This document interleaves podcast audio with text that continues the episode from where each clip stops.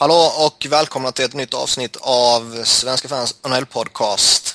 Det eh, det var två veckor sedan vi körde senast och det har hänt en del intressanta grejer.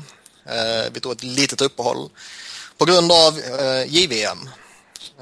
Nu när det är över så lägger vi full fokus på NHL igen. Den här veckan har jag med mig Robin Fredriksson som vanligt och Simon Strömberg. Jajamän. Välkomna pojkar. Tackar, tackar. Hej. Och jag är då Niklas Wiberg om det är någon som inte vet det. Men det förutsätter jag att alla vet. Mm. Uh, vi kan ju börja med lite tragiska nyheter och då menar jag inte Randy Carlisle utan då menar jag Capgeek. Uh, som vi pratade lite om precis uh, innan vi började spela in här. Att det har lagts ner och att det inte finns något vettigt alternativ. Mm. Ja, väldigt tragiskt. Man blir lite handikappad. Eh, sådär. Det finns ju många sajter som har så här halvhyfsade funktioner. Man kan se kontrakten och så här, men det är inget som går att mäta sig med Capkick riktigt. Det Nej, det, jag hoppas att det kommer en substitut riktigt snabbt alltså. Det är jobbigt. Det kan vi göra en liten utlysning. För alla som vill tjäna sig en hacka. Om man gör den perfekta lönesajten här så är det... Om man har någon idé så kan man tjäna mycket stora pengar om man slår sig in på marknaden nu. Ja, verkligen. Men de verkar ju ha haft kontakter också. Ja, alltså, mm. De fick ju reda på saker liksom. Så de kunde uppdatera en, en, spelare, ja, uppdatera en spelares kontrakt liksom med någon klausul eller någon bonus eller grejer. Så de hade ju connections. Så det är nog inte bara för mm. vem som helst. Byggde ju på, på. Uh, byggde från tre håll. Dels det som, uh, ja vad fan var den första två? Ja den sista tre var i alla fall från ägarens egna kontakter som var den liksom bekräftande parten. Så, mm. De första två källorna var väl antingen ligan eller liksom och så. Mm. Men, Ja. Men det läggs väl ner på grund av att han är döende, ägaren, har jag förstått det rätt? Eh, typ, jag vet inte, det står bara health reasons, jag vet inte, jag visste ja. inte att han var... Jag såg något på Twitter att han var döende i cancer. Allt på Twitter är ju sant, så du har säkert rätt. Ja, nej, men det var Uffe Bodin, ni vet. ja. Då är det sant. jo. Det, det måste ju vara något sånt. Eh, alltså det, det, är inte bara det att eh, oj nu har jag lite uh, brutit benet och nu är det jätteallvarligt och nu kommer jag vara, vara körd på sjukhuset i tre månader. Då gör man ju inte något sånt här utan det måste vara något superduper allvarligt ju. Ja. Låter snarare som en sån grej som gör att man börjar med en sån sajt. Man bryter benet har ingenting att göra. Bara, ah, jag läser igenom alla cap-regler och sen startar jag en sajt. Liksom. typ, i och för sig. Mm. Men det, är, att, han inte, att han inte ens orkar sälja sajten till någon annan utan bara låter den dö, det är inget bra tecken. Mm. Nej, det, det är det som är förvånande. Att man inte kan driva den själv, det är väl fullt förståeligt om, om någonting har hänt. Det verkar ju vara ett team som... Ja, inte så liksom att man, att man inte vill se sitt arv leva vidare, om man säger så. Men det är kanske utan hans kontakter så kanske de känner att det inte är lönt. Och sånt kan det ju vara. Ja, men sälj den då liksom. Ja. Jag tror ju TSN har ju bättre kontakter än Capgeek skulle jag säga. ja, det känns så. låt, låt eh, Bob eh, sköta den liksom. han kan sköta den när han har gått i pension. Kan han bara sköta Capgeek. Eller hur? Men eh, nog om det. Vi får väl hålla ögonen ut på eh, alternativ som kommer så småningom. Förhoppningsvis kommer det väl något bra. Men vi, vi slänger oss över lite kontrakt och lite trades och lite rykten och så här och vi börjar väl med David Perron som gick till Pittsburgh. Kostade en first rounder och eh, Rob Klinkhammer till Edmonton då. Vad har de fått sin, eh, den wingern de behövde nu tycker du Simpa? Ja men det, ja, jag tror de är ganska nöjda. De har ju bra tid att dels köra in honom men sen se om de eh, känner att de behöver plocka in ytterligare någon. Så jag tycker att man, det var en bra, bra, trade för Pittsburgh. Jag menar, deras första val ju vara ganska lågt också. Så att mm. Jag tror det är... För Pittsburgh är det en bra trade. Edmonton fick väl ungefär vad de ville ha. Eller vad, man, vad som är rimligt att få för Perron. Han är ju ingen eh, superstjärna men han kan ju producera en hel del om... I rätt i rätt eh, sammanhang. Som väl man ändå får säga att Crosby och typ Malkin är va? Mm. På ett sätt är rätt sammanhang att pro producera i. Ja. Sen eh, om man är ny och sådär, det är svårt att säga. Men eh, man har i alla fall en eh, lång tid på sig att ta en ordentlig titt och känna, känna efter liksom om man är färdig med sina topp 6 där liksom. Eller om man vill eh, adda ytterligare någon innan trade deadline. Så bra trade. Jag håller med. Uh, han är ju signad över nästa år också, vilket alltid brukar uh, vara, vara tilltalande. Uh, och jag tycker väl han har rätt han har ju strax under 4 miljoner i capita, vilket jag ändå tycker är en eh, helt eh, okej okay, lön för en top 6-winger av hans klass. Personligen, personligen tycker jag nästan att han kanske var den bästa wingern på marknaden. Eller som man förmodar är på marknaden jättetydligt då så att säga. Mm. Ja, det är en... Eh, de har haft skadade, De ville ju in en topp 6-winger redan innan eh, Dupuy blev skadad och skadeproblem på Hörnqvist också så att... Eh, nej, det är överskridits i liksom skrivit i stjärnorna hela säsongen att de skulle ta in en, en topp 6-winger. Ehm, uh, nej, Peron uh, tror jag är jäkligt bra. Uh, han gjorde ju 28 mål i Edmonton i fjol liksom. Och, uh, han har alltid, han producerade ju även i St. Louis. Ehm. Framförallt så verkade han ju extremt tydligt vara väldigt missnöjd med allt som pågick i uh, Edmonton. Eh, det, det hörde man ju tydligt när han snackade i media liksom. Ja, han var nog väldigt angelägen om att bli tradad, ja. Mm. Det gick ju något snack också om att uh, tidigare under säsongen så var Edmontons pris Brandon Sutter. Men att Pittsburgh inte ville göra det och det tycker jag nog ändå man gjorde rätt i. Mm. Där, där, har man en, en grym tredje center bakom de två stora. Ja, jag håller med. Jag tycker... Nej, det hade varit för dyrt med Sutter. Då hade man ju liksom... Nu offrar man egentligen ingenting man behöver. Som sagt, första valet det är ändå... Pittsburgh har bra med talang och det blir ett lågt första rundeval och sen menar Klinkhammer, det var ju en riktigt... Om detta var tanken hela tiden att få in honom. Men, men stackars, vidare. stackars pojk, han går från Arizona nere i skiten till Pittsburgh. Woho! Fan vad skoj. Och sen skeppar han vidare till Edmonton några veckor senare. Han, han, måste ha retat upp någon. Men det, det, är, liksom, det har gått rakt norrut och geografiskt så här typ. Ja. Från solen till så här medel till iskalla Edmonton. Vad var det, vad var det han sa, eh, Bryskalov där för några år sedan? It's like Siberia. Och som när Fast blev tradad dit eh, från Anaheim. Från eh, liksom 20 grader varmt till 20 grader kallt. Han sa det, han hade inte ens en jacka när han åkte dit. Liksom. Ja, ja. Men eh, Edmonton har ju plockat in lite också.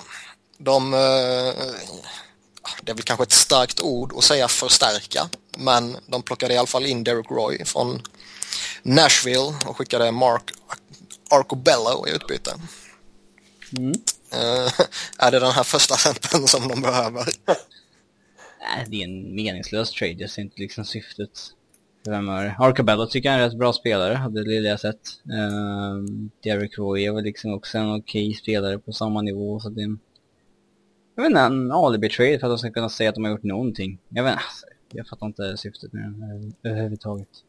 Det enda syftet som jag väl egentligen skulle kunna se det är att man tar in honom för att hoppas att han kan eh, liksom börja producera riktigt bra.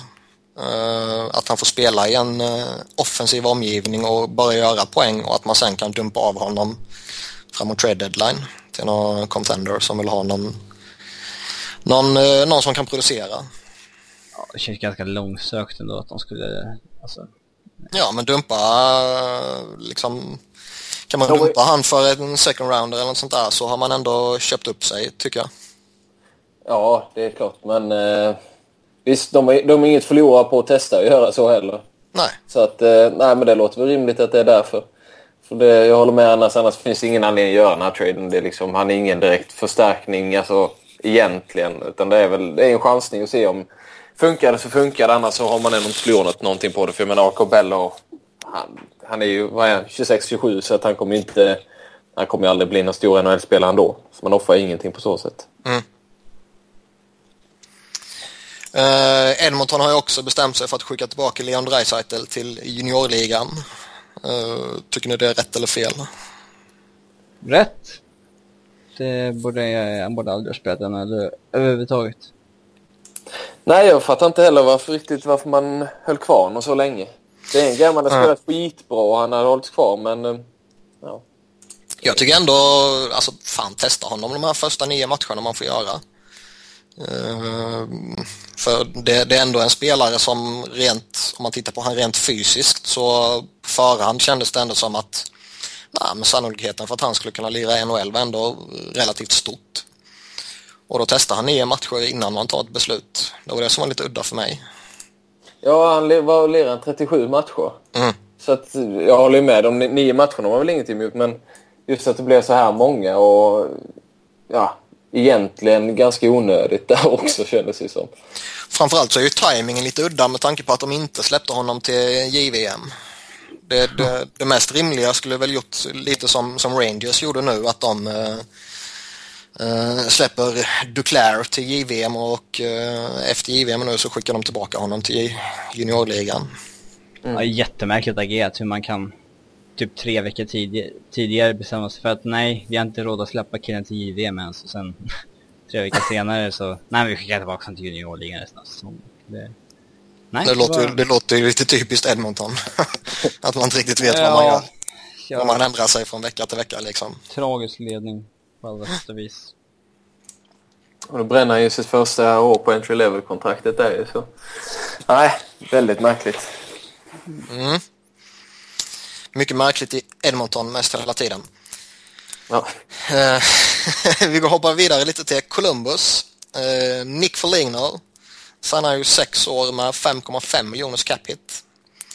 Eh, min spontana känsla är ju att gedigen spelare, bra rollspelare att ha. Eh, men ska han verkligen ha så mycket betalt? Alltså problemet är väl att hade han inte fått så här mycket så hade han, eh, så hade han ju gått som free agent i år. Så hade man inte fått ett skit för honom. Och jag menar med tanke på hur han har presterat. Han har gjort vad är det, 38 poäng på 37 matcher i år. Så det- är ändå spelare de vill behålla. Hade de inte kunnat haft lite is i magen då att liksom framåt deadline kolla hur långt ifrån slutspelet de ligger och då dealat en Foligno? Ja, Men de vill ju ha kvar honom. Alltså det är han... Eh, eh, Käkelainen där, eh, general managern, han bygger ju det här laget kring spelare som Foligno. Det är liksom... Det är ju Hartnell, det är Dubinski, visserligen eh, eh, Ryan Johansson, men han är väl undantaget då. Annars är det ju liksom den här eh, fysiska och hårt kämpande spelaren liksom, som han vill ha. Så att jag tror de hittar inte en bättre spelare för det priset. Inte vad jag kan se i alla fall. Så, han, har inte så mycket val. Och det är Nej. många i sin prime nu så att de måste ju... De kan inte tänka fem år framåt utan jag menar då är ju Dubinski och gänget för gamla egentligen kanske för att utmana på, på allvar en Stanley Cup. Sen, jag tror väl fortfarande också att eh, även om de är på jättetydlig uppgång och de har givetvis har något oerhört spännande på gång så tror jag trots allt fortfarande att Columbus kanske är ett av de här lagen som eh, inte har det jätteenkelt att eh, locka dit spelare. Nej, Så. det är absolut. Jag, jag, tror, jag tror man måste ha framgången innan man kan få den där attraktionskraften. Mm. Det... Men det är, ganska, är ganska intressant ändå för de har ju typ hela kärnan upplåst nu ändå. Det är väl Bobrovski som ska signas men sen så är ju de flesta liksom eh, kontrakterade några år framöver. Så att eh, det, det om något, alltså just den stabiliteten i klubben och det bör ju locka free agents. Om inte, alltså just för, för de vet att kommer jag hit och jag funkar så får jag ett bra kontrakt, liksom ett schysst kontrakt och, och kärnan finns här. Det kommer inte sprängas inom de närmsta åren liksom. Nej, så är det ju. Däremot tror jag de behöver den här slutspelsplatsen. Mm. Eh, ju- Just som för att få den attraktionskraften. Håller jag Det, med. det, det är väl det är ju det Och inte- gamla vanliga man har sagt om Columbus annars. Ja. Och inte tappa hypen för det är ju ändå lite många tippar dem högt inför säsongen och nu Ja. sög de i början men det var ju på grund av alla skador liksom. Nu ser man, nu spelar de bra igen. Kommer ni Men att- ihåg svensken som signade där före säsongen, Simon Hjalmarsson, som stack, stack så fort han inte tog en plats efter training camp? Ja. Och vi, eh, jag vet inte om vi snackade om det, men vi sa att det, vad fan ska han över att göra för om man ska dra så bara han inte platsar första Ja, ja, dagen. vi pratar, vi pratar Ja. om Sen, kul då att de kommer att bli det mest skadedrabbade laget i hela NHL. Han hade ju fått jättechans där. Ja. Så jävla dum i huvudet. Alltså, Om man ska vara sån så tror jag i sig Columbus var ganska fin med att släppa honom. Om, Ja. Jag tror inte de hade något större... Alltså, jag tror inte de blev så imponerade av honom utan de var nu ganska glada över att bli av med honom. Men visst, det är väldigt han ironiskt att... kört en månad i AHL i alla fall. Ge en chans. Liksom. Ja. Det är ju att innan alla andra lag fyller sina luckor. Alltså, att bli free agent en månad in på säsongen, då kanske det är svårt att hitta en annan klubb. Jag vet inte, vad, vad lever han nu? Koll? Eh, Moskva. Ja. Eh, men alltså vad fan, det finns alltid någon klubb det krisar för efter någon månad på säsongen. Som redan då är redo att pani- panikvärva. Eh, Mm. Nej, han gjorde, han gjorde en tabbe. Om han inte bara ville utnyttja Columbus för att bryta sitt kontrakt med LHC för att sen kunna signa i KHL. Då är han ett geni i så fall. Mm. Agenten är ett geni i alla fall.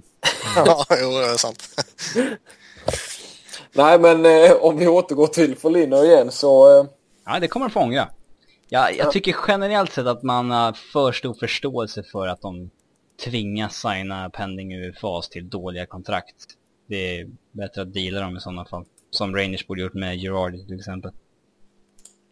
ja, kanske. Men eh, ser ju ganska stabilt ut för Columbus rent lönetagsmässigt och sådär. Så jag, jag ser inte någon... Ja. Som sagt, jag tror inte man hittar någon jättemycket bättre på free agent-marknaden och sånt. Den kille som har slagit sig in i klubben, liksom, det är ändå lite bevis. Jag, jag tror ändå det lockar spelare att se att om jag, gör, om jag gör det bra så kommer jag belönas för det i den här klubben. Jag tror det lockar dit dem. Mm, det är en jättegod poäng du har. Men det är, som sagt, jag, jag, jag tror det här är ett kontrakt som man om några år kan, eh, kan sitta och säga liksom, var, varför signade de honom på det kontraktet för? Alltså, jag har glömt situationen som det var då. Eh, Ja, lite så. ja. Men det är väl en, en spelare som du... Alltså man kan väl leva med Foligno i sin topp 6, men då ska han väl vara... Ja, den fjärde bästa wingen helst. Alltså lirar han som han lirar nu så är han ju svinbra. Så, eh, Ja, så men länge det här är inte han på riktigt. Det, Ja. Nej, möjligt. Äh, kom, kommer han att vara en eh, stabil 25-30 målsskytt där runt omkring? Då? ja, Blir, blir han det så är han ju värd kontraktet. Ja, Ja. Nej, det- Eh, tveksam om han blir det. precis. Det tvivlar jag starkt på. De brukar ju säga efter 300 matcher ser man hur en spelare är ungefär liksom. Och då var han, då är han kanske runt 15 mål. Ska Vi vi, utan att bli för fancy stat-aktiga, så titta på hans shooting percentage. Den ligger inte direkt i, i linje med vad han brukar sätta. Nej. Andel av 21. skotten. 21,3 har han i år. Ja, 16. If you- Det- Precis, och sen 8-9 de åren innan. Så att, Ja. Vi får, får se om han kommer ner på jorden snart. Ja. Eh, en snubbe som, nu, nu kommer jag leverera en sån sjukt fin övergång här i Sebbe Norén-klass. Eh, En snubbe som verkligen har kommit ner på jorden. Det är ju Louis Eriksson. Han har i och för sig kommit igång lite, lite, lite nu mot slutet här, men han har ju varit en jättebesvikelse i Boston sen, sen den traden. Eh, nu kommer det ett rykte, jag tror det var Bob McKenzie som slängde ut sig det, så det har väl någon form av substans. Men att Vancouver skulle kunna tänkas vara intresserad av honom. Varför då? Jag vet inte, fråga Bob. Fråga Jim Benning. Mm. Eh, nej, men jag... Varför, nej, jag har svårt att se varför då. Behöver väl en topp 6-winger och han är inte speciellt dyr egentligen. Även om han inte presterar så var 4,25 i cap hit. Det, Det är ska ju vara, liksom, de är redo att det- alltså, nästa släppa år honom också. billigt som fan kanske så, men... Jag ser inte vad Vancouver ska ha med en åldrande winger till. Alltså han är ju inte jättegammal såklart, men de bör ju absolut inte gå upp till spelare som är på väg neråt karriären. Det beror på lite vad man ger upp. Alltså, Cassian kanske. Ja, det vore ju dumt alltså. Det, Boston sades väl vara intresserade av honom tidigare, har för mig. det, den kopplingen är väl enkel att göra. Eh, Ja. Och jag menar, det, kän, det känns ju som att det bara är en tidsfråga innan Boston kommer göra någonting. Eh, att de ligger där de ligger eh, är ju med Bostons mått mätt ett jättemisslyckande. Men de kanske byter, liksom, byter Burrows mot Louis så två spelare som kanske passar bättre i den andra miljön helt enkelt. Mm. Så, det, men eh, alltså, konstigt att, jag kan förstå att Boston är redo att släppa Louis, men eh, nej, jag tycker inte att det vore rimligt att eh, Vancouver tog efter honom. Om de inte liksom... Eh, Men i- Ja. I och för sig, i VM när Sverige vann guld, vad var det, 2013? Eh, Lirade ja, inte Louis med Sedinarna då? ja, det gjorde han. Nu har de i och för sig Varbata, men... eh, men Ja, han eh, är det funkar finns- skitbra. Så att, Ja, precis. Men det kanske är att man ser någonting där. Att Louis skulle få lira med dem och det gjorde de ju bra då ju. Fast det- var ju VM visserligen, va? Skitturnering. Men... eh, Men... eh, Ja, Men det- det- Han är ingen dålig spelare, så han är ändå hyfsad. Även om inte han gör mycket, mycket poäng så har han ju liksom... han in- tvåvägsspelare. sådär, Precis. Men, eh, Men, eh, och man är inte så dyr, så jag kan ändå se att Vancouver skulle chansa på det och liksom få honom lite billigt då för liksom typ Cassian, som jag inte tror kommer att bli speciellt bra. Liksom, då hade han nog visat det nu. Men... Passar lite bättre i Vancouver kanske? Ja, var, var det inte Jim Benning, var det inte i Boston han var? jo, det var det var det va? Kanske bör var han väl- som proppshoppade för dit Louis gång. Ja, Ja. precis. Eh, Så det kan ju finnas någon koppling där också. Mm. Men det är, jag ser fram emot den här för det, det tuggas ju massor nu att det är problem i Boston att eh, allas eh, jobb ligger illa till från GM ner till eh, typ eh, materialaren. Lucic har väl nämnts på marknaden också? Ja, men där Ja, förnekar de det ju. Ja, men det, varför skulle de inte göra det? Ja, men å andra sidan, då vill jag ha in större spelare. Det har ju Chiarelli sagt. Alltså Ja. att de vill in stora och, och tuffare spelare. För det är det de har förlorat de senaste åren. Så det känns ju lite lustigt att köra iväg Lucic då. Mm. Och hans kontrakt är ju inte jättelätt att, att eh, sälja in i andra lag. det Eh, jag det beror 6 på... miljoner i capita. Det, är- alltså problemet är väl att det sägs att han vill ha mer på nästa kontrakt. Det är väl Det det. Alla vill väl ha Två mer. år framåt. Men Eh, ja, men det, det kommer han ju få också. Det, den CVn har han ju att backa upp det. Ja, ja. Fan, ska slänga in han på Euros left wing bredvid Voracek som en komplett kedja i fem år framöver minst. Nej, för fan, det vill jag inte. Den jävla. Jo, men det är ett svin du skulle älska. Eh, Ja, om han skulle ha Det är kommit en riktig eh, jävla gris alltså. ja, ja, om han skulle kommit upp via Flyers organisation skulle jag garanterat älskat honom. Nu äh, fraktar jag honom ju. Han är en ond människa. Alltså, Ja. Ja, ja. Svin rakt ut så det bara, man kan inte vara mer svinaktig än vad han är. Det är bara i sporten hockey man skulle kunna vara på det här sättet. Som han är. Ja, Vinnie Jones fick ju en hyfsad fotbollskarriär innan han blev skådespelare. Ja. Dennis Wise. Ja. Men eh, jag tycker ändå vi befäster att han sa- sannolikt kommer att vara kvar i Boston, eller hur? Mm, Och det att tror han är ett svin. Snacket om hur svinig och, och tuff han är. Sådana älskar ju Boston. Ja, men han personifierar ju den eh, Kulturen de kör liksom. ja, kulturen. Big har. Bad Bruins. Jag har svårt att se att de skulle göra sig av med honom alltså. Mm. Framförallt så har jag svårt att se att de eh, kommer göra sig av med den kulturen och allt Ja. vad det innebär så länge Chara är eh, så pass bra som han är. Ja. Tuggas ju lite Brad Marchand också, men det är väl mer vettigt att göra så med Louis då. Mm. För Marchand funkar ju så jäkla bra med Bergeron. Mm. Bästa målskytt också. Lite dumt att skicka iväg. Ja, kan förmodligen generera någonting vasst utbyte. Eh, han, tar du hellre han på Euros left wing? Marchand? Ja. Nej, för fan. Han är lite råtta också, det är han ju. Men, eh. Nej, han vill jag fan inte ta i med tång. Då har jag ju hellre Lucic tio dagar i veckan. Mm. för fan vilka förslag du kommer med. Usch. det är en bra spelare. Ja, ja, ja, men vad fan gör det för skillnad? Skulle du inte hellre ta Louis Eriksson liksom? Nej, det skulle jag inte heller vilja, men det är på grund av andra anledningar. För att han insisterar på att kallas Louis. Ja. eh, på tal om Boston så sägs de ju vara intresserade av Antoine Vermette också i Arizona. Hur skulle de få in honom under lönetaket? Jag fattar inte. eh, Skicka Milan Lucic. Ja. Chris Kelly har ju nu trade-klausul och har ju redan liksom slått fast att han inte tänker lämna. Mm. Och att ta in Vermette, det är en så uppenbar rental också. Den skulle ändå kosta så att det... så Alltså, jag, ser, inte- jag ser inte riktigt behovet av det heller när man har de centrarna man har. Nej, Nej. verkligen inte. Verkligen inte. Det är... Nej, alltså... Och alltså just när det gäller Vermette, alla, alltså han är ju som du säger den mest uppenbara renten där är och kanske den bästa också. Så jag menar, det kommer vara sån dragkamp om honom så jag kan inte se att... Alltså Boston med den lönetagssituationen, det, alltså, det skulle ju vara korkat att signa Vermette på fyra blankt. Och det snackas om att Vermette kommer börja kräva någonting på sex. Mm. Ja. För, att, för att marknaden är pissdålig, urusel på centersidan i sommar. Carl Söderberg och Vermette kan fan begära vad de vill. De kommer bli rika. Ja. Eh, det har ju kommit några nya spekulationer och rykten om Ryan Riley. Att han skulle kunna vara på marknaden i, och allt vad det innebär. Där var vi Euros left-winger. Det skulle jag kunna överväga på ett annat sätt. Även om det finns lite frågetecken med förhandling och pappa och... Ja, nej, erfarenhet från Lindros-familjen. Ja. Däremot så är det ju...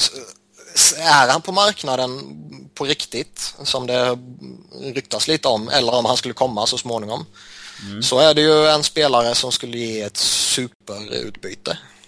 Mm, Men är det inte bara Dater som sprider det ryktet nu när han inte är kvar på tidningen längre?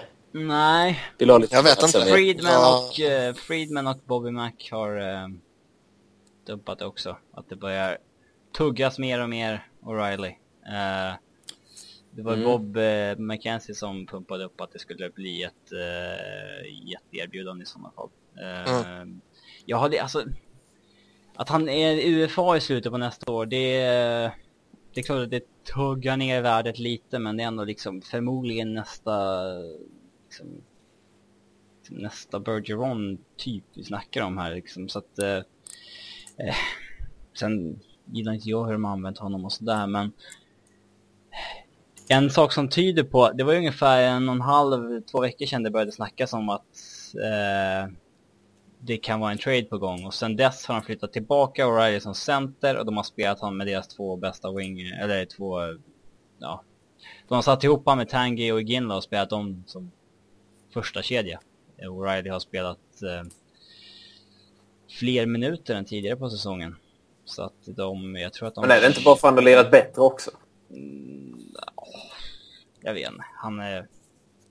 Han var inte bra i början men... Eh, alltså jag vet alltså jag, det känns som att de showcastar honom rätt, rätt hårt. Det, jag tror att det smäller av någonting här före... Eh, det, jag tror definitivt inte att han är kvar till det, till det i sommar. Mm. För det är ju en spelare som eh, oavsett var du har ditt hål i din anfallsbesättning så skulle han ju kunna vara lösningen. Mm, även om jag Letar tycker du att efter en first time center, left winger eller en center eller vad du nu letar efter så kan du ju plugga in honom där och få det jävligt bra. Ja, han har jag bevisat att han kan det. Ja. att, eh, det I den bästa av världar ska han ju vara andra center bakom en, eh, en annan riktigt, riktigt bra center. Mm, men det kommer han ju aldrig, alltså lönemässigt kommer det aldrig gå ihop. Nej, nej. han, Så att, eh, eh, men alltså skulle han gå till Toronto så är han ju given första center. Mm. Men eh, jag är livrädd att de ska byta mot Bozak typ. Det är... Få ett andra val på köpet. Ja. Yay! Men det är väl samma sak där. Kan Toronto få in honom liksom under lönetaket som det ser ja, ut om de nu? skickar Bozak så det är lugnt. Ja, jo. Visserligen, men... Och vi eh, vet ju inte, vi har ju inte capkick. Det är... vi vet inte. Är- Alla är blinda. Är total kaos. Ja. Jag undrar hur klubbarna reagerar på detta med, eftersom Ja, det... man har ju sett klubbar som är uppe capkick på så här eh, draftdagarna och sånt där. Eh, Ja. De kör hockeybus cap central. Alltså när hockeybus har inte så uppdaterat Prons kontrakt så deras liksom cap-sida är ju inte, ja. Nej, Nej. NHLnumbers.com tror jag är den bästa substitutet för Jag tillfället. måste försöka plugga in det, alltså det. Nej, men O'Reilly borde, han borde tradas innan deadline tror jag. Eh, jag är, han har nog ett högt värde fortfarande för den, han har åldern på sin sida och det är en fruktansvärt bra hockeyspelare på sin, på sin dag. Så att, eh, men jag är livrädd för vad, alltså, vad Ra gillar hos andra lagen liksom. Det är... Milan Lucic. det, det hade jag tagit för det är ändå en bra spelare. Vad fan, Alltså, i, eh, I somras så snackade liksom eh, Patrick Raw om att eh, Brad Stewart skulle gå in och spela med Eric Johnson i ett första backpar liksom. Han verkar inte ha koll på andra, andra lagen liksom. Han kanske har fått för sig att Alexei Jemelin är liksom en grymt stabil topp 4-back. Han tar in och en liksom prospect från Montreal. Och så. En kille som utan Subban skulle vara ett jävla skämt liksom. Eh, Nej, jag vet inte vad... Nej, jag är livrädd för vad de byter mot honom. De har inte direkt gjort bra trader hittills, så att... eh, nej. Nej, det kommer gå åt helvete. Alltså, det kommer gå åt helvete, tror jag. Snackades väl där först när det kom i alla fall att Florida, Montreal och Winnipeg hade Mm. fått erbjudande mot en bra back. Ja, det är väl en vän... definitivt en vänsterback de behöver då. Och det var ju ruskigt nära en eh, Kulikov-trade Det- för ett år sedan ungefär. Eh, Jajamän. Eh, jag minns inte vad det var då, men jag tror antingen att det var McGinn eller Tyson Berry då, någonting med Kulikov. Eh, McGinn var inblandad, minns jag i Ja, alla fall. det, han var ju liksom en healthy scratch då, det var lite så här, ja, det var lite snack om att han skulle skickas och mm, det var också lite snack om Berry, jag är glad att de inte bytte bort honom. Eh, men eh, vi, eh, Nej, men de gillar ju Kulikov tidigare i alla fall, så att, eh, och det var innan han hade breakat, han är ju betydligt bättre nu än han var då. mm. Då var han ju så här healthy scratch någon period och så här, ja. Så att, visst. Winnipeg ser jag inte riktigt vad de har som kan locka Avs för att de måste, måste ju verkligen vara intresserade av att få en bra vänsterback tillbaka. Eh, ja, Och ska, ska Winnipeg trada en back så är det ju sjukt kass timing. ja, Med tanke på att de har typ sju backar skadade. ja. Skulle det vara Montreal så kan man i alla fall liksom, ja, inte Alex Emily. Men alltså Nathan Beaulieu, eh, någon liksom det är en back prospect i alla fall som man ändå är hyfsat säker på att han kommer bli en bra NHL-spelare. Eh, kanske något mer liksom, eh, jag vet inte. Draftval. Ah, vi kan få Gonchar också. Sen kan jag Ja. både Brière och Gonchar. Liksom. Ja. Ginla och hela gänget. Mm. Det är nya Devils. Ja. Nej, det kommer gå åt helvete. Det tror jag. De kommer byta bort honom mot något skitdåligt. Ehm, för, för att göra Robin lite gladare nu så hoppar vi över till Toronto. Ehm, och Randy Carlyle fick ju sparken. Mm. Var, var det beslutet rätt eller fel? Det var väl long overdue. Men det, det är väl ofta som man kommer in i en ny organisation som kör när att man håller kvar vid coachen ett tag och sen så när det hettar till så kan man offra honom vid den perioden. För att få lite liksom andrum. Det är därför de håller kvar Nonis också tror jag inte skickar honom nu. Att nästa, nästa dåliga period när de börjar ifrågasättas och det krävs förändringar så då kan de offra Nonis. Så, Fast det, är- det är också lite udda. Om, om du har, eh, jag, jag håller ju med om att det, det mycket väl kan fungera på det sättet. Men, men det resonemanget är ju lite udda för du vill ju inte ha en GM oavsett om han har full makt eller om han är eh, en eh, liksom puppet. puppet. Greg Sherman style. Ja. Vilket jag tror att han är nu, underkänner han. Mm. Men oavsett vilket så vill du ju inte att han sitter kvar och tar någon form av beslut om du bara väntar i princip på att sparka honom. Ja, han får väl inte ta några viktiga beslut så att det är väl liksom... Nej men alltså, no, no, några beslut kommer man ju alltid ta som kommer påverka någonting. Mm. Och, och liksom, är, är du bara en, eh, en formsvacka om man säger så, ifrån att få sparken, då ska du lika gärna få sparken nu ju. Ja, men jag tror att de och håller kvar honom som en sköld till nästa storm. Mm, nej, jag håller med dig att eh, Jag tror att det är så. jag, jag tror att det mycket väl kan vara så. Eh, men jag tycker inte om eh, eh, själva upplägget om man säger så. Det måste varit lite obekvämt då när Darren Drigger snackade om att Anonis jobb är nog on the line liksom. Det är väl hans, vad är det? vad är det? Svåger? Ja, kusin eller svåger eller någon skit. Ja, det är svåger Och, oavsett vilket så blir det en bra familjemiddag på söndag. Mm. Men det, han ska ju ersättas nu Carlisle av Peter Horacek och Steve Spott. eh, säsongen ut och eh, de sitter väl fortfarande och hoppas på Mike Babcock såklart. Det gör väl Ja. i princip andra. Eller alla menar jag, som, som överväger någon form av förändring. Men eh, vad kan man få ut av beslutet att sparka Carlisle? För det första är det ju en väldigt speciell situation igen för Peter Horacek kan man väl slänga in. Han var ju precis samma situation i fjol i Florida. Att han kom in som så här interim coach, liksom tillfällig coach och sen får han inte jobbet till sommaren. Och det vet han om liksom. Mm. I Han gjorde det väldigt bra i Florida. Nej. I alla fall enligt. Alltså, eh, fall enligt fancy stat folket så var det Precis. målvaktsspelet som svek utav helvete bara. Ja, jo men visst på så sätt så han fick ju upp dem där vad var de... Eh, det var någon statistik som kom igår som visade det men eh, egentligen jag vet inte riktigt om... Alltså det är svårt att säga, det kunde lika gärna varit från början av säsongen för att Denin kickades ju så tidigt. Men... eh, Han, han kom jag vet utifrån då va? Nej, då kom han från San Antonio. Han, han började ju sitt Okej. första år i San Antonio sen i november typ så fick ju fick ju Dinin kicken så han var ju bara en månad i San Antonio. Okej. Sen så gick han upp och var Florida och det gav ju resultat i början men sen så började det sacka ner. Och visst målvaktsspelet hade ju mycket med det att göra. Men jag tyckte målvakterna, i alla fall rent spelmässigt vad jag, vad jag tittade utan att ha statistik på det, tyckte jag var sämre i början av säsongen än i slutet. Eller liksom än när han tog över. För Markström var ju uppe i början och han var riktigt kass i fjol. Ehm, så att, eh, ja, det är svårt att säga men det ska bli intressant att se för det är väl det som är Torontos problem här. Det är ju, de är ju lite helt på sina fancy stats killar nu så att Ja, jag vet, det är nog ganska delat office där fortfarande. jag tror att fancy statkillarna har lite mer makt. Alltså de är nog i Shanahans öra rätt rejält. Eh, men eh, det finns ju fortfarande kvar de som tog in liksom David Clarkson och ja.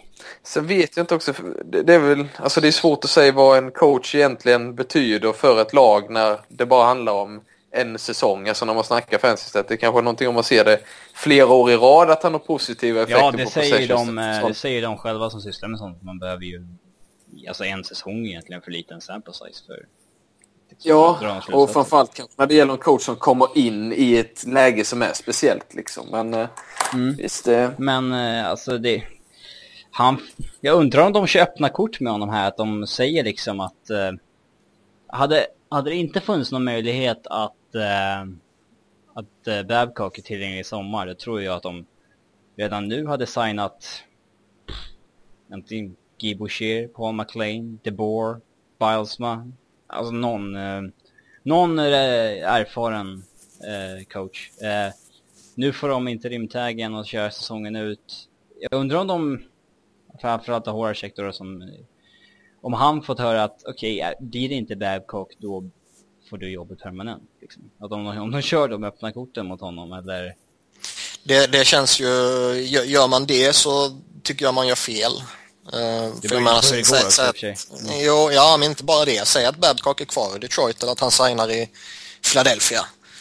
Eh, men säg att han inte är aktuell för Toronto, men helt plötsligt kommer Todd McLellan på marknaden liksom. Mm. Eh, ska du då välja Peter som du har kört med i några månader bara för att du har sagt det till honom? Eller ska det du byta ditt löfte till honom? Ja, Ja. Så då, så, sådana löften är alltid, liksom, ge, ger du ett löfte så tycker jag ändå du ska hålla det. Och då Det Ja, det är ganska skönt. löften. då, kan man ju, Jo, då kan man ju sparka Nonis och säga att nej, men nu gäller det inte längre. ja, jo, det är var han sant. Det är sant. Men visst, nej, jag tror, jag tror det. Nonis, du får säga till Horacek att eh, hans, jobbet är hans som inte välkommen. Blanda inte in mig bara, men eh, du säga det. Horacek, du har ingen makt längre, vad fan. ja. Nej, men det, det, jag håller med. Det hade varit väldigt konstigt att säga det. Liksom, Ja, framförallt innan man ser hur det går också. Jag lyssnade förut på en eh, Leafs podcast häromdagen. De berättade ju att eh, Toronto hade ju velat skifta Phil Kessel till left-wingen. Och eh, Phil Kessel hade sagt nej. och eh, de hade fått kalla ner Shanahan och prata med Kessel och säga att kan du inte testa att byta till left-wingen och Kessel sa nej. Så att eh, det blev inget. Eh, jag, jag fattar, jag, fatt- jag fick, när jag tittar på deras lag så ser jag vad fan är tanken med att flytta Castle till left-wingen? Vad... Lyfta upp Clarkson ett snäpp. vad... Jag vet, jag vet inte vad fan de har... Vad fan var planen? Att de skulle... Men, men grejen är att jag, jag förstår liksom, okej okay, om Kessel, eh, alltså någonting inte fungerar med honom. Men jag menar han har ju ändå i flera år i rad varit en av de som producerar allra bäst i hela ligan.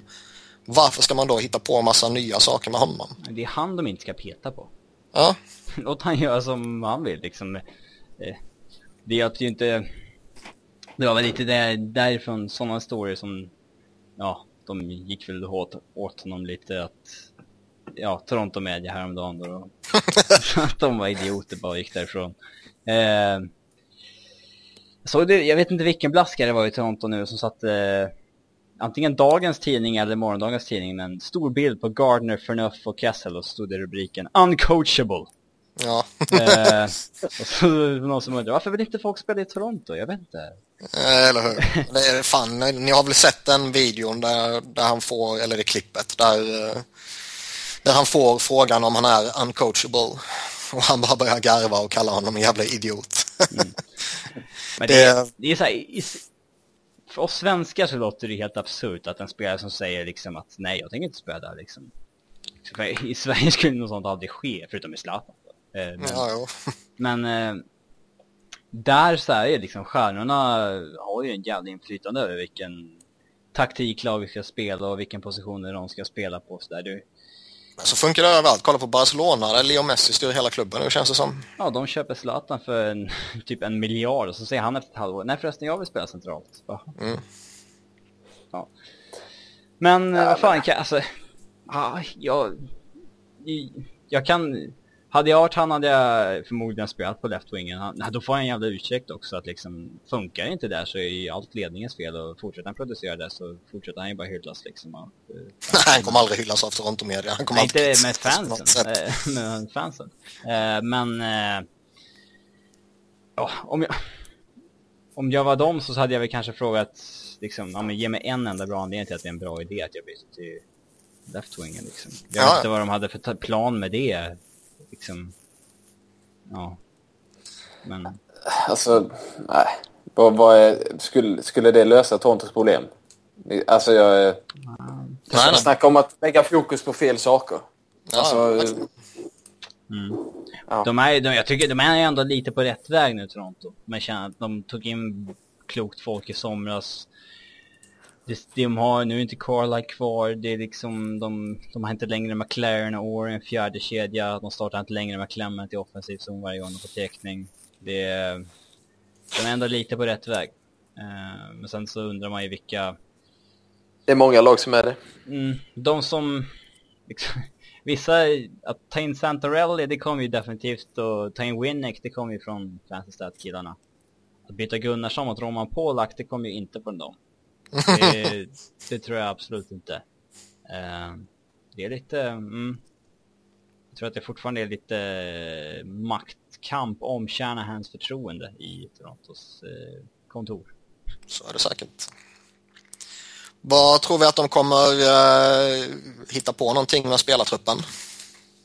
Nej, jag tror att de rullar på det här säsongen ut. Simpan? Ja, någonting, någonting lär väl hända innan eh, trade deadline. Det är lite långt att säga nu. Alltså, det är ganska långt framåt i tiden. Men nej, någonting gör de. Definitivt. Det, jag, tror, jag, tror inte att truppen kommer se ut som den gör nu.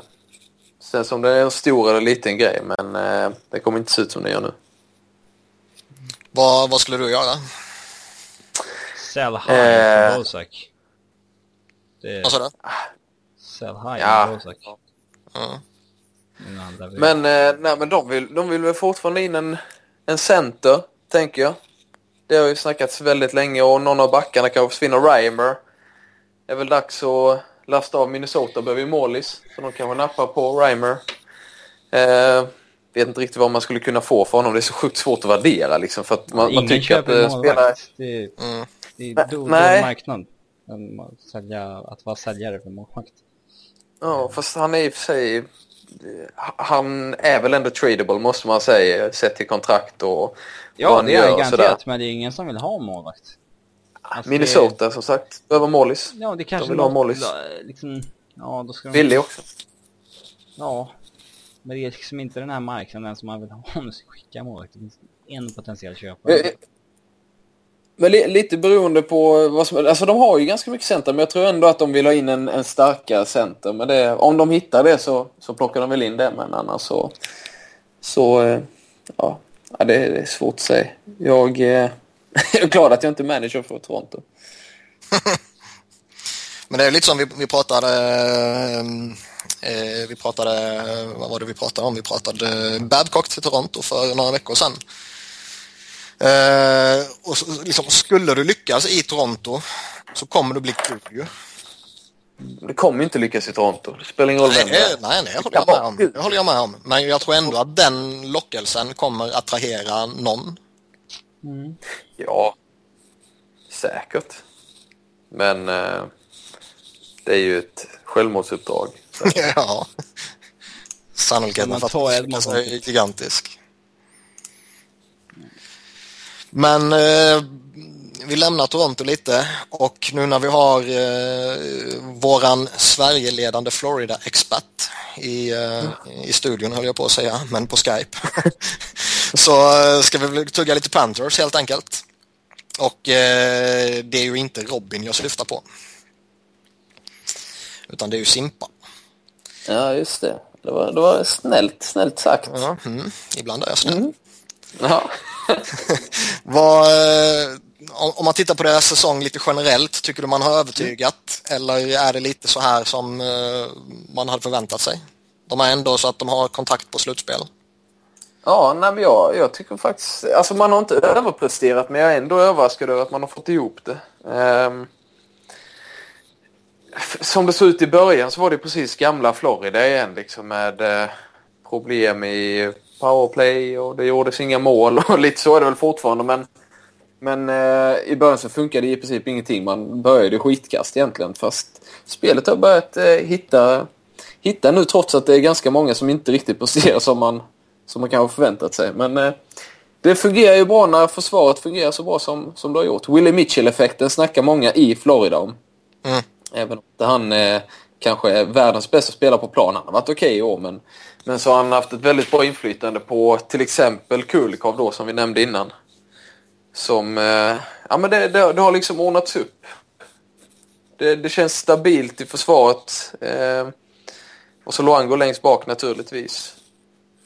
Blir det slutspel så borde han vara en, en eh, i alla fall en utmanare om Hart. Han kanske inte riktigt om man, men, men nästan i alla fall. Han, han, Nej, han men om man ser strax bakom toppvalen kan jag hålla med. Ja, faktiskt. Men, eh, ja, men jag tycker samtidigt att, att försvaret har sett bra ut. Liksom. Det är inte bara hans förtjänst. Sen så har han varit skitbra också. Och utan honom hade man inte legat där man ligger. Men eh, ja, det, det känns som att eh, man är verkligen på rätt väg. Och som sagt, även om det framförallt i offensiven, till, till exempel Jonathan Huber då liksom som, och Barkov också för den delen som måste börja prestera mer offensivt så, eh, så känns det som att man är på rätt väg. Och varför presterar inte Barkov någonting överhuvudtaget?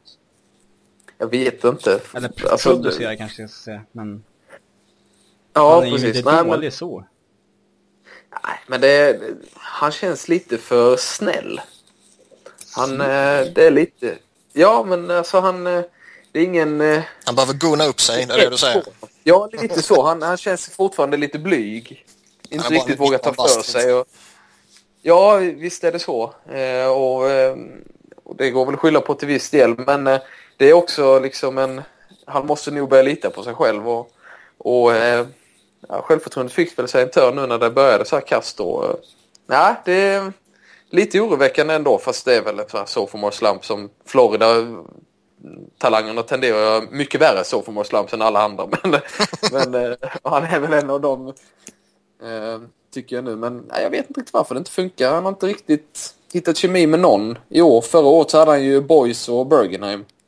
Den The Killing Bees line. Men eh, den har inte funkat i år. Och, eh, nej, det är svårt att säga varför. Ibland så går det bara inte. Men eh, lite mer killer instincts saknar jag hos honom.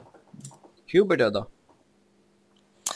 Eh, jag vet inte riktigt vad som hänt där heller. Mycket skador och självförtroende tror jag det är framförallt på honom. han spelar ändå ganska bra. Det har han gjort hela tiden. Liksom att han... För säsongen så gick det ju skitbra. Liksom vann ju Calder och sen så andra säsongen då så kom han tillbaka efter en skada och hittade liksom, då spelade bra och lirade fram många som inte kunde göra mål. Och i år så, jag vet inte riktigt vad det är. Det är lite samma sak där, lite killerinstinkt saknar man. Jag Eh, tror eh, han har lagt fokus på att bli mer fysisk, tycker jag det ser ut som. Vilket har gjort att han lite har tapp, tappat, tappat fokus på vad han egentligen ska göra. Det är ju spela fram och göra mål. Varför producerar inte Brian Campbell i den takten? Ja, gammal är han? 37? Ja, men det är en Tret- 35 igen. Ja, 35 kanske. Ja, men han, redan i fjol tyckte jag att man såg att han började tappa eh, en hel del. Framförallt också att powerplayet har inte funkat. Hmm. Det är, Det är väl lite på grund av han också? Eller? Kan vara. Men eh, jag tycker han gör ungefär samma sak som han har gjort innan. Och han är stabil i passningsspelet, bra på att föra upp pucken. Men eh, väl i zon så har man inget fungerande överhuvudtaget. Det är liksom slarviga passningar, det är orörligt och Han tar en bett om en trade. Men det har inte blivit så. Ja, det snackades lite om det, men eh, på tal om otradebara kontrakt så... Det är bollen. Så- Hur går det fram? men det, det, ja, jo, det har väl gått hyfsat. Men jag tycker ändå att eh, Campbell, eh, han... Eh, det känns, som det är mycket att åldern har börjat ta ut sin rätt liksom. Och hon, det hade, han hade kanske gjort mer poäng om powerplayet hade fungerat liksom, men det har ju verkligen varit under all kritik. Så att... Eh, Känns Ja. som en typisk spelare som så Devils tradade till sig och får igång sista åren. Som de gjorde med Silicki typ. ja, det blev ändå hyfsat lyckat. Ja, jag, det tror, jag tror ändå att, eh, vi har pratat om det tidigare i podcast också, men att skulle man behålla lite lön så tror jag han skulle kunna bli väldigt attraktiv på en marknad. Ja. Kanske. Men jag tror Florida gärna vill ha kvar honom. Jag tror inte man är i någon eh, brådska att göra sig med honom heller. För att eh, han har en ledarroll i laget och han är, har fortfarande mest speltid av alla backar. Liksom. Eh, och det blir nog ganska bra generationsskifte. Typ när Mike Matheson och sådana börjar komma upp och kunna ta efter Brian Campbell. Eh, det är såklart om han själv vill iväg. Det är en annan sak i så fall. Men eh, jag, jag tror helt enkelt man måste börja se att andra backar måste kliva fram och göra poäng. För att han... Shane O'Brien. Han är inte samma spelare längre. Ja, precis. Han gjorde snygga sista matchen. Så. Han har saknat lite. Det var han som drog igång hela Vegas-grejen i Colorado där när Jigger lackade. Eh, över att laget var mer intresserade av Vegas efter säsongen. Ja, det kommer jag ihåg. Ja. Det var hans Vegas-trip. Men eh, ja, några positiva överraskningar då. Jimmy Hayes tycker jag är duktig. Vincent Trocek. Jimmy Hayes, verkligen. Och eh, ja, precis. De två presterade ju skitbra i början. Eh, framförallt ihop. Sen så har väl Trocek trappat av lite. Det blev väl lite så. Men Hayes han har fortsatt och han... Om man kollar återigen så här fancy stats ser man att hans point per 60 minutes eller kanske goals per 60 minutes den är ju riktigt... Alltså den är ju av elitklass. Han var ju petad ett tag och sådär. Och, ja. Hayes. Men han har ingen orimlig skottprocent. 15,9 och... Ja, jag tror... Eh, det kan nog hålla i sig. Han kan ju göra en 20-25 mål i år. Mm. Nice. Eh, Stora positiva överraskningen dock, det är ju Aron. Aaron Ekblad. Ja. Va, har han Ja. spelat med Campbell hela säsongen? Har han spelat med Mitch? Tanken var väl Willie Mitchell från början? Ja, ja, det kan nog ha varit. Jag minns faktiskt inte riktigt. Men eh, han har spelat stora delar med, med Campbell, helt rätt. Ehm, men jag, jag tycker han är att helt han, fantastisk. Att han är on Ja. pace för 50 poäng som back i Florida. Ja, Det är utan Ja. fungerande PP och utan... Ja, det är ingen det- backpartner som bär honom direkt. Sådär. nej, alltså om man ser han har ju positiv... Eh, nej, han har kanske negativ corsi om man ska in på det igen. Känns som man har snöat in på det, men... Men... Eh, alltså han... Om man tittar på hur han spelar sen så stundtals så syns det att han är rookie liksom. Att han kan göra någon liten halvmiss så här och där. Men det gör ju alla liksom. Så att jag är väldigt Han imponerad. Det Han verkar ju gått in... han... eh, Han har ju gått in eh, alltså, bättre i ligan än vad eh, liksom Seth Jones gjorde första året. Ja. Definitivt. Men sen så är väl kanske Äggblad också... Om jag, jag är ganska dålig på spelarna innan de dyker upp i NHL. Man läser mycket men man ser typ ingenting. Men han var väl ganska fullfjädrad eh, redan när han kom in i ligan. många Eh, sa att han var frågan hur NHL bra han kan bli. ja. ja, frågan är om han, hur bra kan han bli? Kommer han utvecklas jättemycket? Seth Jones kanske är hur bra som helst när han är 32 liksom, medan Ekblad kanske ändå är hyfsat nära sin topp. Det är svårt att säga. Mm. Eh, men eh, han gick in direkt och var, var bra från första matchen. Så att det är väldigt imponerad. Han har haft lite Driver- sköna zone-starters, är att han, han och Campbell matchar sig mycket i offensiv zon och sådär, men Ja, men det ska man väl. Det är väl, det är Ja, väl jättetråkigt att sätta in en back i en, en 18-åring liksom i defensiv zon hela tiden. Klart han ska vara där uppe. Oh, Och han har ju levererat efter det, så att jag menar det... säg det till Ra. Vad sa du? Säg det till Ra. Han kan inte det där spelet överhuvudtaget. Men jag tycker det är en grej man ser väldigt tydligt. Det är liksom att han är ovanligt bra för att vara rookie. Det är just när, vilka tillfällen han väljer att stöta upp och vilka tillfällen han faller hem. Jag tycker det gör han bättre än väldigt många andra backar i Florida till och med. Att han väljer precis rätt läge. Han vet precis när han ska stöta och när han ska falla hem. Liksom. Och det, det är ofta man ser rookiebackar framförallt kanske missbedöma de situationerna lite, blir lite för heta och eh, framförallt pincha upp när och orsaka två mot ett och hemåt liksom. Men han har inte alls varit den spelaren i år för Florida. Tycker inte jag i alla fall. Det känns det... Framtiden känns ändå rätt ljus va? Alltså Bjukstad, Ekblad, Hayes, Huberdo kommer ändå komma igång. Alltså Trotschek, Kulikov. Barkov Ja. kommer ju också bli bra och det... Ja. Ja, Proble- problemet är väl att Longo är 35 bast. Det är väl det... Ja, det finns inget målvaktsprospekt överhuvudtaget egentligen i klubben. Men det är... Men jag tror man räknar väl ändå ha några år kvar. Ja. Ja, det tror jag. Eh, eller det räknar man väl med helt enkelt. Och, Men marknaden eh, som den är idag, om några år så kommer det ju gå att skaffa en ny första målvakt rätt enkelt också. Ja. Fan, det var inga problem. Alltså, I somras så var det ju klubbarna som diktaterade villkoren för målvakterna för första gången på flera år. Liksom att Hiller och Miller fick nöja sig med Vancouver och Calgary att, och att det var de som bestämde när kontraktet skulle bli. Liksom. Det, det, nej, det är väl inget jätteproblem men eh, ja, han är 35 som sagt. Liksom. Nej, men det är klart. Så, men eh, jag tror man har ganska bra koll på det där ändå. Liksom. Det, som, som vi säger, det är ingen bristvara på bra målvakter just nu. Så att, eh, det tror jag man, eh, man har ganska bra koll på. Mm. Och det finns ju en hel del spelare att offra om det skulle vara så. Oh, ja. eh, Bjugstad signar ju nytt häromdagen. Mm. Eh, sex år, capita på 4,1 miljoner. Mm. Eh, är det, det känns väl som att det i dagsläget är lite, ja ja, skitsamma liksom. Eh, kanske lite för högt men det är ingen som bryr sig om det i Florida för tillfället. Men om några år känns det som att det kan vara ett riktigt bra kontrakt. Verkligen. Alltså fortsätter han utvecklas så här så eh, kommer det vara ett eh, riktigt bra kontrakt. Framförallt om lönetaket också stiger hela tiden så, så kommer ett av dem eh, kan vara ett riktigt bargain. Men eh, alltså vann poängligan i fjol och leder i år liksom 15 mål på 37 matcher. Det är, han ska ju ha den här, de här pengarna sett till vad han gör för Florida.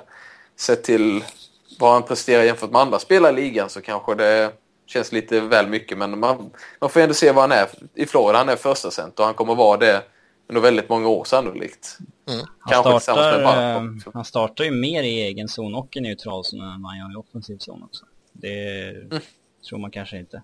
Eh, eh, det finns ju spelare som Huberdo och de här matchas ju betydligt mer offensivt.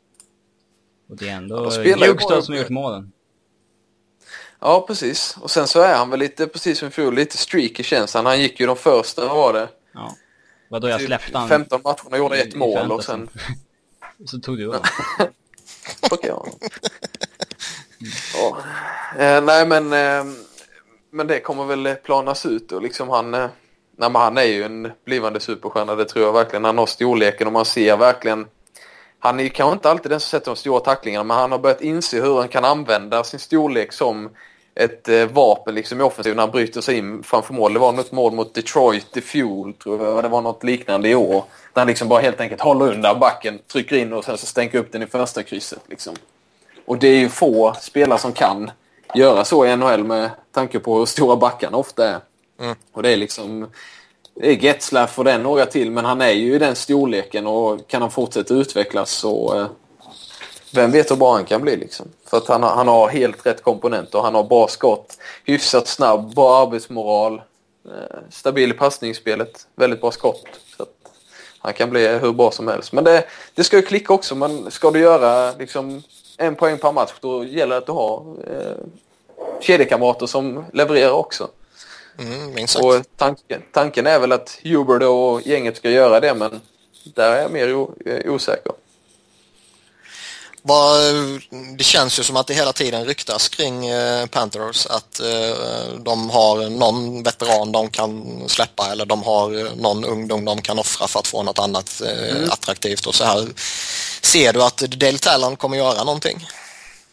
Alltså han vill ju väldigt gärna. Det snackas ju i början om, eh, eller Harvey Fialko på Sun Sentinel. Han eh, rapporterade ju att de försökte trada bort eh, Bergenheim, Fleischmann och Kopeschki. Mm. Men inte lyckades utan andra lag vill ha Boys i så fall. Eftersom han är mer renodlad målskytt. Bergenheim gillar jag. Han skulle gärna inte ha något emot en. Han har lite Nej, jag förstår inte varför man så gärna vill bli av med. Ja, Vad är det? 2,7 eller något sånt? 2,75. Det är inte- Ja, det är, alltså jag tycker han är en Ja. jäkligt bra tvåvägsforward. Ja men verkligen och han Mycket spelar ju... märkligt. Inte uttagen i Finlands OS-trupp också. Det var ju jättemärkligt. Han var skadad. Var det? En hel del. Visst, Ja, till och från. Men han var frisk då i alla fall. Jag minns det var mycket snack om det.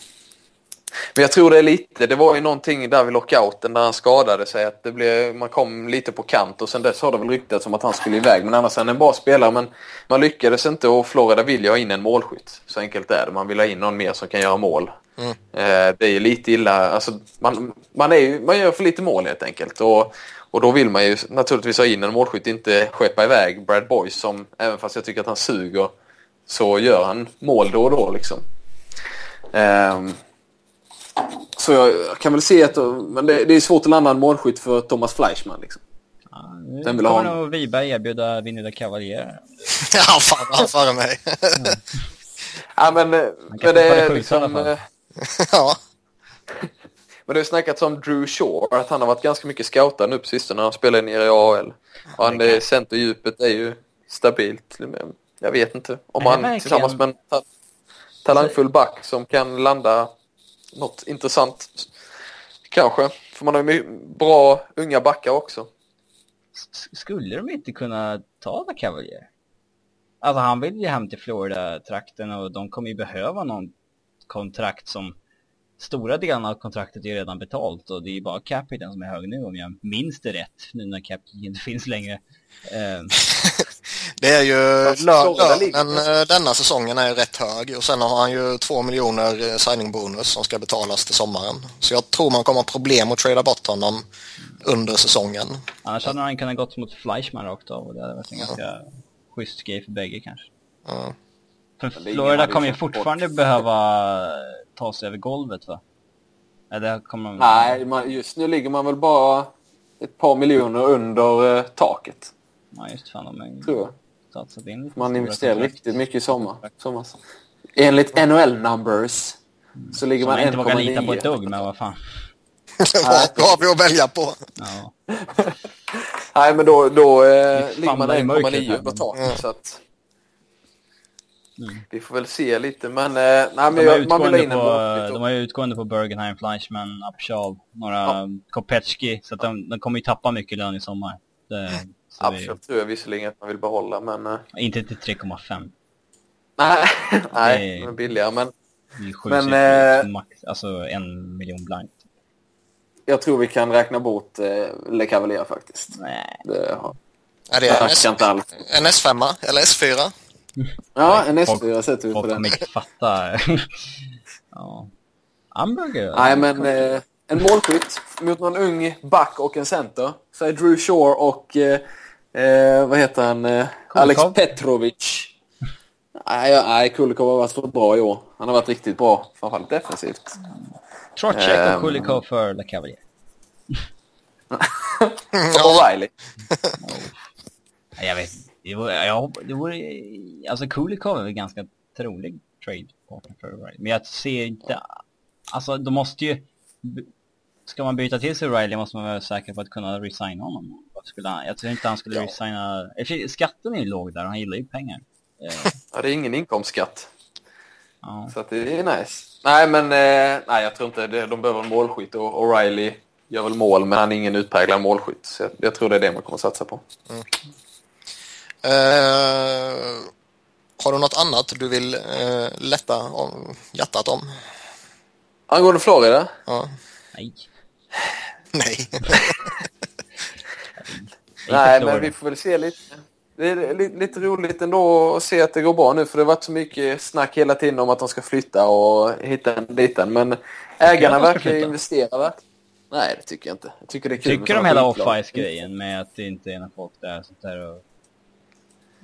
Fast jag, det, det kommer med framgång. Kolla slutspelet då när de var i slutspel 2011-12. Då var det fullt i varje hemmamatch. Liksom. Så att jag är inte orolig för det. Och ägarna verkar vara väldigt dedikerade till Florida. Han, det var skitroligt på Twitter häromdagen. Eh, ett par veckor sedan var det väl nu när Ken Campbell, tror jag det var, på The Hockey News. Återigen skrev någonting om att någon artikel om att ah, de kommer flytta bla bla bla. Så gick skyldig ju- massa pengar och grejer skrev han också väl? Precis. Och då gick ju Doug Sifu som är ägare tillsammans med då Vinny Viola. Han, bör, han heter ju inte Doug Sifu på Twitter. Han heter någonting Doug någonting. Eh, så då började han skriva. Du bara, jag var och skrev på de där papperna själv. Liksom, det är mitt namn står på dem att vi har inga lån till, eh, till eh, Broward County då. Liksom sådär. Så att, han skällde ut honom rejält. Så att, eh, nej, men det mycket är charmigt kul att se faktiskt. de är dedikerade. Det är Ja, charmigt med ägare på Twitter som vågar eh, säga... Ja. Ja. Niklas vet vad jag tänker på. Jag vill ha Ed Snyder på Twitter, eller vad menar du? Nej, Och men sen, vi, sen fick jag Sen fick jag sådana här livsläxor av, av, av Doug Sifu för jag twittrade någonting om det. Liksom skrev att det var kul att han tvålade dit honom. Det var någon som översatte så han bara Bara kämpa hårt, var passionerad för någonting Simon så kommer du lyckas. Bara, Ja, Tack! vad stort! Det där behövde jag! Ja. ja. Skönt. Han fick, han fick lite hybris där, men det, det är gött. Har Ed Schneider skrivit något till dig Niklas på sistone? vad sa du? Har Ed Schneider skrivit något till dig på sistone? Inte ett skit. Riktig fitta det Nej, fan, kanske jag inte skulle sagt det.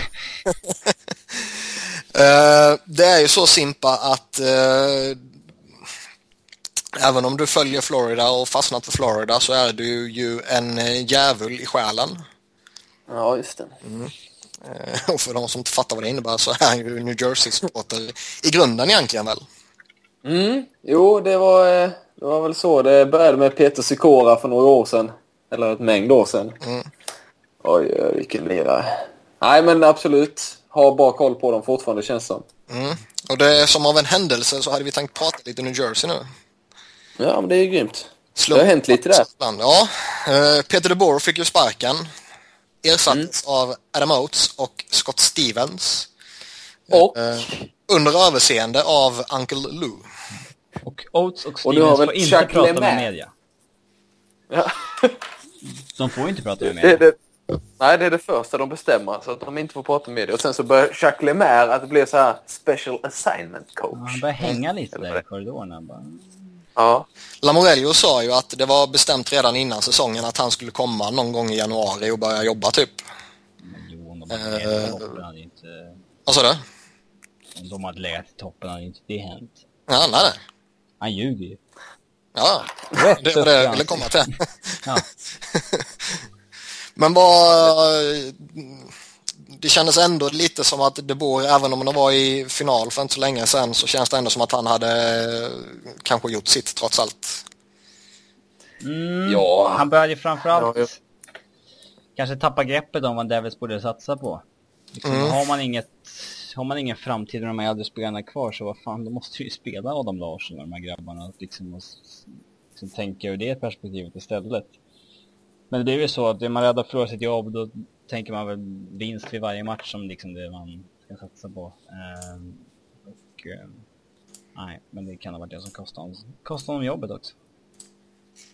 Nej, det, det tror jag inte. Lamorello verkar ju gilla sina gamla gubbar. Det är han som hämtar in dem så att Ja, det gör väl för att de ska spela. Nu när Lou himself har stått i båset har han ju spelat Adam Larsson som han är Shea Webber typ. Det är ju typ 23-24 minuter per match och bara play box play. Jag tror du inte det, på, på tal om att uh, flasha upp lite, eller så här, göra reklam för sina spelare, tror du inte det kan där? Han har hela tiden sagt att han, är någon, han inte alltid ska trada Adam Larsson. Ja, fast... Fast, vad- fast det de säger är mot... Eh, eh, alltså, det, det de gör motbevisas ju hela tiden ju. Ja, men alla, För, förutom nu precis lite här mot slutet ju. så alla GMs är ju inte renodlade lögnare liksom. Jo. Nej, men jag tror definitivt att Larsson är till... Alltså, jag Alltså, tror inte alla är han tillgängliga till rätt pris i touchable. Devils. Det är ingen som är Ja. untouchable i Devils. Absolut inte. Men eh, alltså det är inte som när... Det är inte som när Paul Holmgren gick ut och sa att han inte kommer trada en viss spelare. Då visste man ju oj oj, nu kommer det hända någonting. Nu kommer det hända någonting här. Eh, men... Eh, nej jag tror, Ja, inte, jag tror jag- inte att Adam Larsson tradas. Jag tror att han var jätteglad när De Boer fick sparken. Det tror jag också. Det var han säkert, men jag är inte så säker som du. Men sen ska det finnas någon som vill ta honom också. Ska vi sätta en slant? 5000 spänn kanske? Får vi en virtuell Ja. handskakning Nej, här? nej, nej, det gör ju nej. Nej, men... Eh, ja, jag är inte så säker. Eh, Säg inte att han tradas i år, för just nu finns det ingen direkt anledning. Alltså, de går inte för slut... Eller, nu sa ju Lamorello att han absolut inte kastar in handduken, men... Men det är jag menar, sånt de... man måste säga ju. Precis, och jag, jag tror liksom att eh, det är inte riktigt i säljläge av unga talanger nu i Devils. Eh, och inför ett slutspel rustar man kanske inte med en Adam Larsson. Men i sommar så tror jag definitivt att han kan försvinna. Det, när vi ändå är inne på det lite så eh, Jaromir Jagr sägs ju vara öppen för en trade. Eh, om, eh, Han vill spela slutspel. ja, liksom om, eh, han har ju alltid sagt tidigare, det var väl mm, något år när han sa liksom att nej jag vill spela klart här liksom. Jag vill, jag vill inte ha någon trade. Men eh, nu har han ju mer eller mindre sagt att eh, ja, jag skulle, det skulle vara okej med en trade för mig liksom. Eh, och han är väl faktiskt en av få som eh, andra lag nog skulle kunna titta på rätt hårt va? Det tror jag faktiskt. Ja, han, han men ett vänligt var, kontrakt. Det är en stor stjärna att ta in. Han skulle ta mycket fokus liksom. Och så det är ett föredöme på många sätt och vis. Att, eh, ehm, alla behöver ju en winger som kan gå in och... Alltså han skulle ju kunna vara point per game i rätt omgivning. Men eh, jag läste någonstans hans slutspelsstatistik. Vad är det? Ett mål de senaste 18 slutspelsmatcherna. ja, ja, men. Ja, alltså de senaste två slutspel är ju i, i Boston han inte riktigt passade in och fick inte riktigt chansen i så jättebra omgivning. Och sen så var det ju, ja, åtta poäng på 11 matcher i Flyers. Eh, det var 1 plus 7 dock, så att det var ju inte så många mål. Så att, eh, ja, han har ett mål senaste 33 slutspelsmatcherna, men det är ju inte... Ja, jag tycker att det är... Nej, jag menar... Fast titt, tittar, man, Det är väl värt en chansning ändå, men... ti- tittar man på honom och allt vad han kan bidra med så är han ju faktiskt eh, alltså mer eller mindre unik i ligan. Alltså han, hans sätt att kunna skydda pucken med hans eh, Gigantisk arsle. Ja, eh, exakt. Eh, Nej, men hans sätt att skydda pucken och, och, och liksom kunna dra ner tempot och skapa sig ytor och, och tid genom att dra ner tempot är det ju i princip bara han och Joe Thornton som jag tycker klarar av på ett så mästerligt sätt. Och Alexander Wennberg, snart. Ja, kanske i Hockeyallsvenskan om några år. Men det var ju så likt Joe Thornton när han gjorde det i Allsvenskan. eh, ja, tycker jag i alla fall. Ja, ja. Dröm, dröm du vidare. Jag tycker fortfarande Wennberg är ett steg eller två bakom Thornton och Jagger. Men det kanske bara är jag. Hack i häl i alla fall. Det är nog bara du. Det är nog bara du, Wiberg. Det är nog bara jag. Men jag, jag tror ju han eh, skulle kunna fylla en jättefunktion i jättemånga lag. Jagger, inte Wennberg. Mm. Ja men Det det, skulle är han en, säkert kunna det är göra, en, framförallt i slutspelsjakten i, på upploppet. Sen eh, tror jag inte Chicago plockar in honom för att vinna Stanley Cup. Men eh, Så det, det är ju ingen du plockar in för att eh, du har ett lag där du behöver ta det här sista lilla steget över tröskeln. Däremot är det ju en som du plockar in när du redan har något jävligt spännande på gång. Eh, och kanske behöver fylla ett hål på en eh, högerkant liksom. Anaheim. Sen håller jag med dig om att Chicago är ju inte alternativet liksom. nå- något lag med lite hybris. Toronto Anaheim. råkar ta sig till slutspel. Nej jag säger Anaheim. Ja, ja men det är nog inget dåligt tips. För där är ju, alltså, Faktiskt. Boudreau är ju den här coachen som inte övercoachar utan det är liksom släpp pucken och play guys. Det är, jag tror jag, Jagger skulle trivas bra under det ledarskapet då. Det är synd att han inte är left-winger. Då hade han ju tydligt hål att gå in i där. Eh, Men, eh, ja. Gamer behöver Kessler i andra kedjan är inte fel heller. Nej, verkligen. Anaheim har, Anaheim har ju den perfekta tradepartnern annars. Som Lamoriello hade älskat. Danny Heatley. Gammal, kass, haft kommit förbi sin prime, skadedrabbad. Eller hur? Ja, jag håller med helt och hållet. Jag, jag, jag, funderar, jag funderar annars lite på eh, Nashville med Levolette. För de två fungerade ju bra i Philly. De har väl också ett behov av att kanske få in både ett namn och någon som kan producera. Sen är frågan hur... eh, Man vill ju se att han ska gå in och göra, alltså kunna vinna. Det är lite Mm. synd om man ska gå in i Nashville liksom. Jo, men... Han kommer ju heja på Jagger. Ja, det är klart man kommer göra det. Nej, det kommer inte. Jo, fan. Jagger forever Nej, Simon. jag- Du kan inte sitta här och hata Jäger, då, då skickar jag ut dig från podcasten. Hata och hata, det är ett starkt ord. Men det är, ska, ska det vara en tjeckisk veteran ska det vara Peter Sikora man håller på. Igenom. Pavel Patra kanske. Kolla hur det gick för New Jersey när de plockade in Sikora senast. Då blev det final. Ja. Så det du säger är att de ska signas i kåren? Det är precis vad jag säger. Ehm, Ja, jag kan vara hamna då. Jag köper inte Nashville. Det gör jag. Alltså det är, Jo, lock, men det är lockande med the return home. Till... Eh, Pittsburgh? Ja. Ja, jag tror den bron är bränd. De verkar ju inte tycka om honom jättemycket. jag vet inte vad Rutherford tycker, men... Nej, alltså jag menar fansen. Ja men vad fan, de är ju Ja, hypokriter. ja, men det måste man ta hänsyn till när man gör en sån trade. Ja men vad på- fan. Jag tror att det där... Alltså NHL-hat känns ju så på låtsas ändå. Det är... Ja, det kan jag hålla med om till viss del, men eh, det har ändå varit extremt tydligt senaste åren vad de tycker om honom. Det tyckte de väl om Stevie Downing också? Ja, Ja, men de så det är sant. De är jävla hycklare, det har du rätt i. Ja men vad fan. det Men kommer- eh, vad säger ni om att han slutligen hamnar i Montreal då? Mm, jag tänkte säga det. Det känns också lite rimligt faktiskt. Alla gubbar ska ju förbi Detroit också. Tampa Eh. i slagläge. Ken Holland är ingen rental-kille dock. Men... eh, att slänga in honom bredvid en Datsuk eller Zetterberg och... De har ju liksom oftast något hål i sin topp 6 Detroit. De har ju... Mm. Mm, det finns det finns- ah. spännande alternativ. Precis, man kan väl säga att han skulle passa i de flesta lagen. Vad, känner du att man har eh, något annat som man eh, kan överväga att släppa och få någonting för? Men det, Michael Ryder är ju ändå i grund och botten en målskytt. Och det är alla lag, de kommer ju slåss om målskyttarna. Jag menar han kanske kan inbringa något, något draftpick. Eh, Tom Ruto på Kan något det sätt. är ni- finnas någon som liksom övervärderar att Bryce Salvador var bra i förra slutspelet han spelade? Ja, kamp. Nej, nej. Nej, det kan det inte.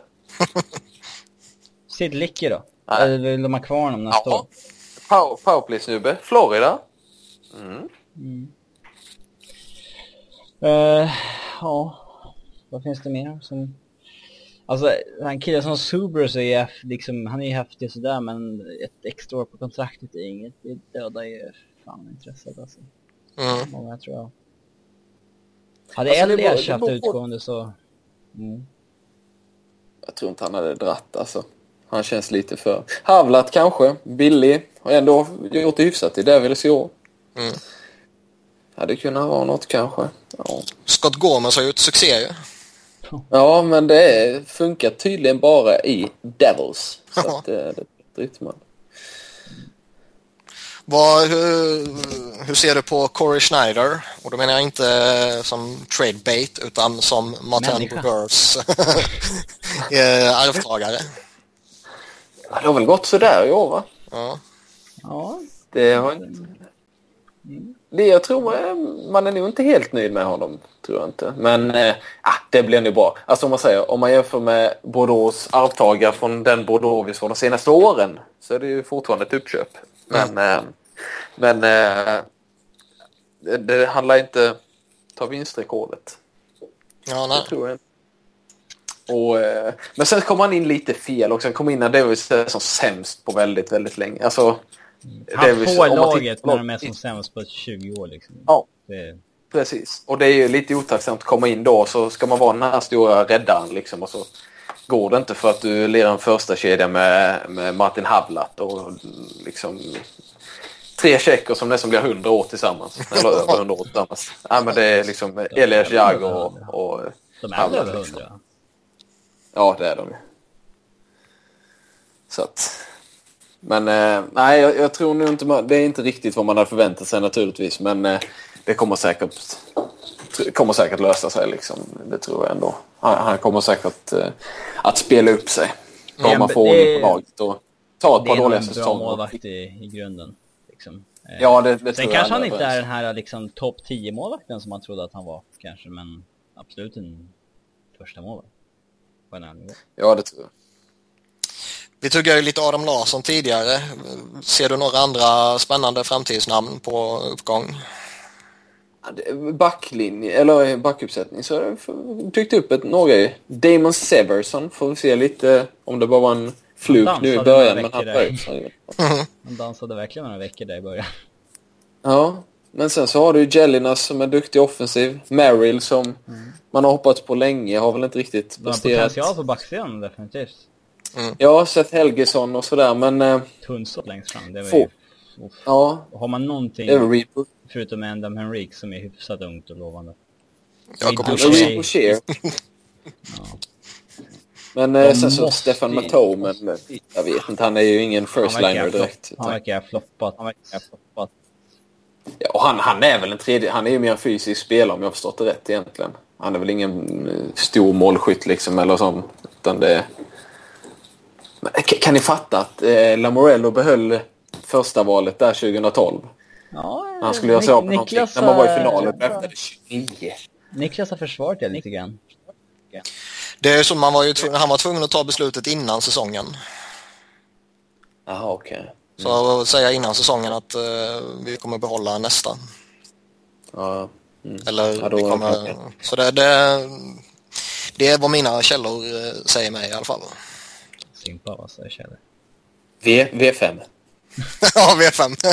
Men jag vet att alltså, han har ju hånats lite för det där Louis, liksom större liksom, så Sportsnet eh, podcaster och sånt där också så att eh, alltså det, Ja, men var det inte hans fel så? Wyszynski Ja, och lite här liksom att eh, jag vet inte jag vet inte, jag inte folk med insyn och koll så jag jag vet inte om det var så.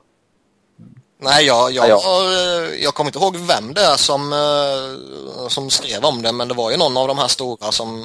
som liksom- Eklund. Ja, han är väl stor på sitt sätt, men någon, någon av de stora respektabla etablerade som, och sen på några andra ställen så. Jag är helt övertygad om att det var så. Och det vore ju, det är ju det enda rimliga egentligen. Annars är det oförlåtligt. Nej men alltså, jo men det, alltså jag menar inte från Devils sida utan jag menar från NHLs sida. De måste ju också fatta att vi kan ju inte låta dem bestämma innan draften. Eh, liksom släppa, kommer de släppa första valet eller kommer de släppa 29 valet om de får välja? Alltså det, för det, Nej. Ja nej det, jag är rätt så övertygad om att det var så. Vi kör på det. Då blir han lite räddad där i alla fall. Men vi kan väl vara överens om att det är dags att lämna över skutan nu. Han, han har inte det längre. Han har inte det längre. Nej, det inte- har han inte haft på länge. Däremot Nej. tror jag lite att han nog vill sjösätta något, eh, något vettigt innan han lämnar. Ja, Jag men inte han lämnar lämnar i kaos. spillror liksom. Nej, precis. Nej, det, han, Men det är kanske det bästa. Det har förmågan. att- Vad sa du Robin? Tror du sonen tar över? Han har ju han som GM i AHL-laget och fostrat upp honom i front office skolan. Det är väl eh, ett sätt för honom att eh, fortfarande kunna styra vad som händer. Från ålderdomshemmet eller något. Ja. Men Paulou blir är som ju i inte... Chicago. Ja, Han är ju inte, han är inte så här sydvass längre liksom. Han är inte lurigare och smartare än alla andra längre som han var förr. Han, han har blivit dum, kokad. Ja, han, har Till gjort, och med. han har gjort några konstiga, liksom, det är fyra, fem riktigt så här, ja, korkade saker som han har gjort senaste åren som är, ja, Cloak-kontraktet är ju bara liksom toppen på, Ja. inte isberget, men en av de bitarna och nog för att man ska vara lojal mot vissa av sina spelare, men alltså Travis Sajak på det här kontraktet, det var ju, Men då, då, när, han, när han signade så var ju det inte så farligt. Det har ju blivit värre än vad man kunde tro alltså. men Jag tror ingen förväntade sig att han skulle vara så här kass. Han signade ju i januari 2013. Ja, efter lockout-säsongen. Visst, då har han haft en, en dålig säsong innan där liksom. Och sen så varit skadad i princip. Och innan det gjorde han 67 poäng liksom. Så att...